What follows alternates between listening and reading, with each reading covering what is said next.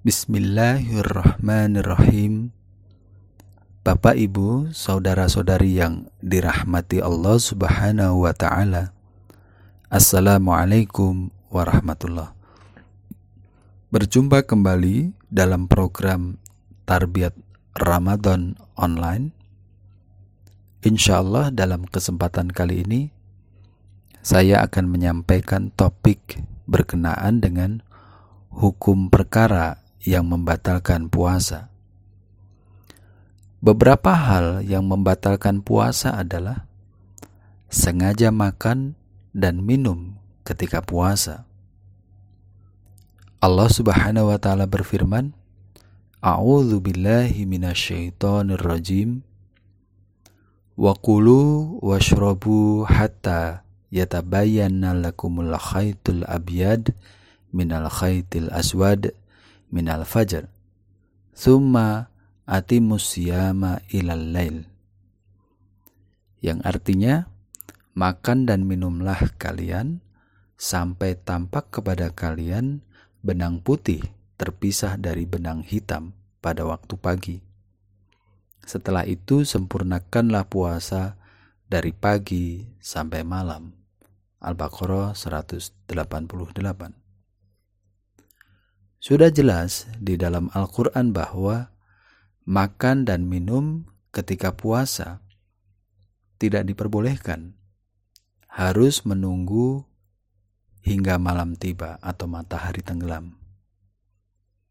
Selanjutnya, muntah dengan disengaja.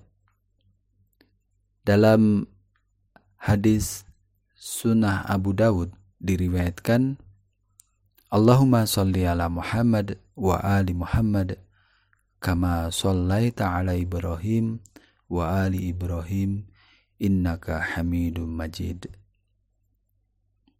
An Abi Hurairah qala qala Rasulullah sallallahu alaihi wasallam man dhara'ahu qai'un wa huwa sha'imun falaisa alaihi qada'un wa inistaqa'a fal yaqdi dari Abu Hurairah radhiyallahu an ia berkata Rasulullah sallallahu alaihi wasallam bersabda Barang siapa yang muntah tanpa disengaja ketika sedang berpuasa maka ia tidak berkewajiban untuk mengkodo. Dan apabila ia sengaja untuk muntah, maka hendaknya ia mengkodo. Hadis riwayat Abu Daud. Selanjutnya, perkara yang membatalkan puasa, yaitu berhubungan suami istri ketika puasa. Allah Ta'ala berfirman, Uhilla lakum laylatas syam rafathu ila nisaikum. Yang artinya, dihalalkan bagi kamu pada malam hari bulan puasa bercampur dengan istri-istri kamu. Al-Baqarah 188 Dari ayat tersebut, dibolehkan pada malam hari bulan Ramadan bercampur dengan istri. Sebab pada siang hari bercampur adalah hal yang dilarang. Seperti dalam sebuah riwayat hadis yang lain. An Abi Hurairah qala Ja'a rajulun ilan nabiyyi sallallahu alaihi wasallam qala. Faqala halaktu?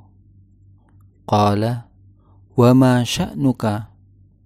Qala waqa'tu ala imra'ati fi ramadan? Qala hal tajidu ma tuqtiqu raqabatan? Qala la. Qala fahal tastati'u antasuma syahraini mutatabi'ain qala la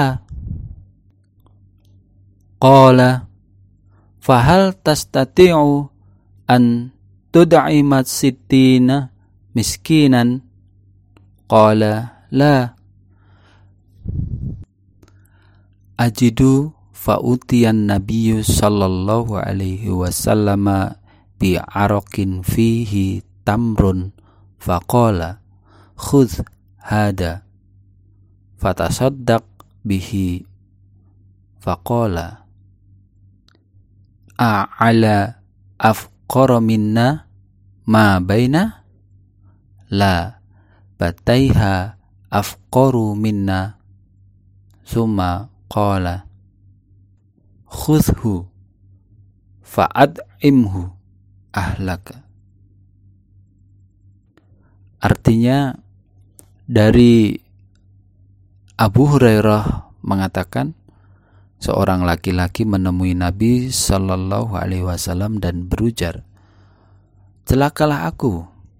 Nabi bertanya, ada apa dengan kamu? Jawabnya, aku menggalui istriku di bulan Ramadan. Nabi Shallallahu Alaihi Wasallam bertanya, apakah engkau mempunyai seorang budak yang bisa kau bebaskan? Tidak, jawabnya. Nabi bertanya lagi, apakah kamu bisa berpuasa selama dua bulan berturut-turut? Tidak, jawabnya. Nabi bertanya lagi, mampukah kamu memberi makan 60 orang miskin? Tidak, jawabnya. Kemudian Nabi Shallallahu Alaihi Wasallam diberi segantang kurma dan berujar, ambillah kurma ini dan bersedekah dengannya. Ia menjawab, apakah kepada orang yang lebih fakir daripada saya? Sungguh di antara dua gunung ini tidak ada orang yang lebih fakir daripada aku.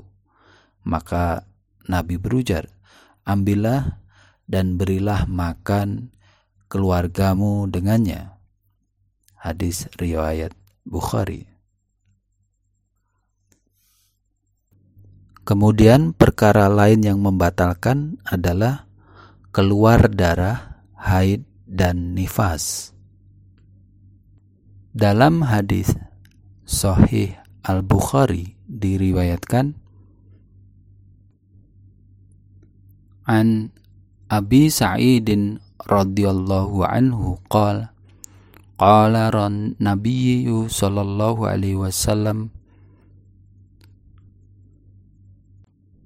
Alaisa idza hadat lam tusalli wa lam tasum fadzalika nuqsanu diniha dari Abu Sa'id radhiyallahu anhu berkata Nabi Shallallahu alaihi wasallam bersabda apabila seorang wanita sedang mengalami haid maka dia tidak sholat dan tidak puasa yang demikian itu menunjukkan kurangnya agamanya.